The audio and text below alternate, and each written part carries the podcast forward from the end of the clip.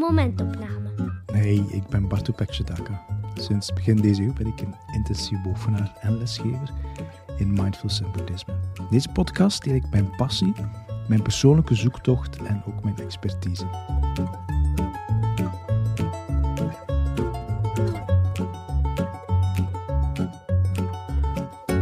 Drie stelt de vraag wat het verschil is tussen loslaten en aanvaarden. Um, dat zijn termen die in mindfulnessland veel gebruikt worden, toch regelmatig. En wat ik ga doen is, is daar, ga daar eens bij stilstaan bij die, bij die twee termen. Um, het zijn termen waar heel veel kan over gezegd worden, maar ik ga gewoon een aantal losse dingen daar um, over gaan, gaan inspreken. Het woord loslaten. Um, bij het woord loslaten denk ik dat het cruciaal is om te gaan kijken wat je daaronder begrijpt, onder loslaten. En misschien nog crucialer om te gaan kijken wat je intentie is bij het loslaten. Waarom je wilt loslaten. Um, maar al te vaak meen ik te zien dat loslaten eigenlijk een vorm van wegduwen is. Dan is loslaten iets in de zin van laat het los, dan ben je er zo vlug mogelijk vanaf.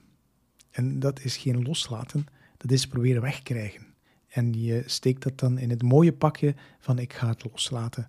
Maar de intentie is eigenlijk een van weerstand. En ja, dat is het thema dat ook steeds weer terugkomt.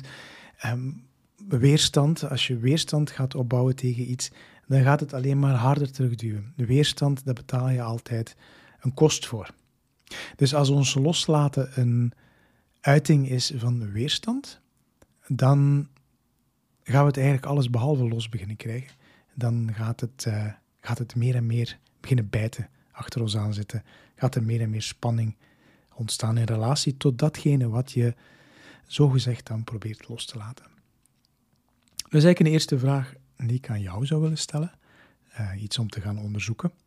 Kijk naar hoe jij naar loslaten kijkt. Als, je, als dat een term is, als dat een benadering is, die jij voor jezelf wel hanteert. Dus dat is een eerste element. Aanvaarden. We gaan naar aanvaarden toe. Want ook over aanvaarden valt er al iets te zeggen. Wat is dat aanvaarden? En, en hoe doe je dat? En wat? Wat dien je in hemelsnaam te aanvaarden? Ja, waarschijnlijk zal het aanvaarden vooral gaan in eerste instantie over dingen die onaangenaam zijn, dingen die niet leuk zijn. Dingen die leuk zijn, vinden we helemaal niet zo moeilijk om te aanvaarden. Wat we daar moeilijk kunnen vinden soms, is aanvaarden dat het niet blijft duren of dat het verandert. Wat dan weer het onaangename aspect is van het feit dat alles verandert, ehm, ook de leuke dingen, dat die dus niet blijven. Dus aanvaarden zal eigenlijk bijna altijd gaan over onprettige dingen. Die, die kunnen, we, kunnen we gaan aanvaarden. In de cursus Mindfulness bij ziekte en pijn ehm, gaan we eigenlijk in de eerste les al, al kijken naar dat idee van aanvaarden. En daar hebben we het over een aanvaarden ja, dat best heftig kan klinken. Mensen komen binnen met soms ernstige ziekte, ernstige pijn, ernstige gevolgen voor hun leven, ernstige beperkingen door de ziekte of de pijn. En dan komt daar in les 1 al het idee van aanvaarding naar voren. En meer dan eens komt er dan flinke weerstand tegen. En die weerstand, die weerstand die komt tegen het idee dat de pijn in de toekomst er voor altijd zal zijn, of heel lang nog zal zijn, en dat je dat dient te aanvaarden. Dus wat we dan doen is pijn, ziekte, beperking gaan extrapoleren, gaan uitvergroten mentaal. Dat is een idee, dat is een concept in ons hoofd. Als iets wat er altijd zal zijn, en dat we dan dienen te aanvaarden.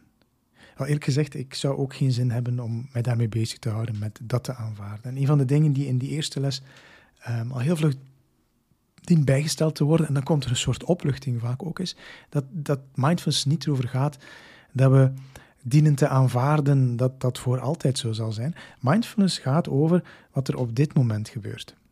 Dat is een cruciale, fundamentele bij mindfulness. Het gaat altijd over wat er op dit moment gebeurt. En wat kunnen we aanvaarden? We kunnen leren, oefenen, aanvaarden dat op dit moment er pijn of ongemak is.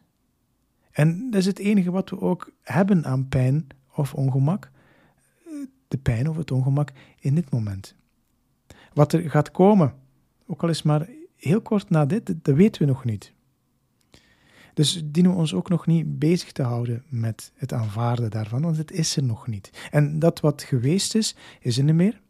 Dus dat hoeven we ook niet meer te aanvaarden, want het is geen deel meer van, van onze ervaring. Dus als we het over aanvaarden hebben, is het cruciaal om het aanvaarden terug te brengen naar de concrete ervaring van dit moment. En weg te houden van het concept dat wij in ons hoofd automatisch vaak maken en dat de zaak heel groot zal beginnen maken. En dan wordt aanvaarden een enorme opdracht. Maar als je aanvaarden kunt gaan brengen naar dit moment, hier, wat je nu ervaart, deze pijn, dit ongemak, dit wat er ook maar gebeurt, dan is dat best haalbaar. En het volgende moment aanvaard je wat er dan is. En het volgende moment aanvaard je wat er dan is. Vidyamala, Vidyamala Burge, die heeft op een gegeven moment gezegd, I only of you have only, you only have to get through this moment. Dus ook al is het moeilijk, je hoeft enkel door dit ene moment te geraken. En het volgende moment, als het dan nog moeilijk is, dan dien je daardoor te geraken. En is het daarna weer moeilijk, dan ga je daardoor. Maar je hoeft dus niet door het hele verhaal te gaan dat je trouwens toch nog niet kent. Dus aanvaarden gaat over dit moment. En zelfs met pijn of ongemak die blijft duren, pijn die uren duurt en dagen, voor sommige mensen bijna altijd, ongemak dat moeilijk is, zelfs daar dienen we uit te kijken dat we niet gaan extrapoleren, niet gaan uitvergroten, niet gaan een groot concept overheen heen kleven. Want ook pijn of ongemak is iets wat van moment tot moment verandert. Dus het is niet een, een, een blijvend ongemak dat onveranderlijk de hele tijd doorgaat. Maar pijn, ongemak heeft pieken, heeft dalen. Is de ene keer luider, dan weer stiller, is feller, is zachter. Dus er zit een, een beweging, een constante stroom en verandering in. En in die zin is er dus ook geen pijn om te aanvaarden gedurende uren, dagen enzovoort. Maar er is een opeenvolging van verschillende ervaringen die allemaal op hun manier ongemakkelijk zijn en die we één voor één in het moment dat ze optreden kunnen gaan leren aanvaarden. En dat is haalbaar. Dat is haalbaar. Dus een bedenking bij aanvaarden. En dan wil ik nog heel kort de link maken tussen loslaten en aanvaarden. Want volgens mij is het pas doordat je begint te aanvaarden, dat je ook begint los te laten.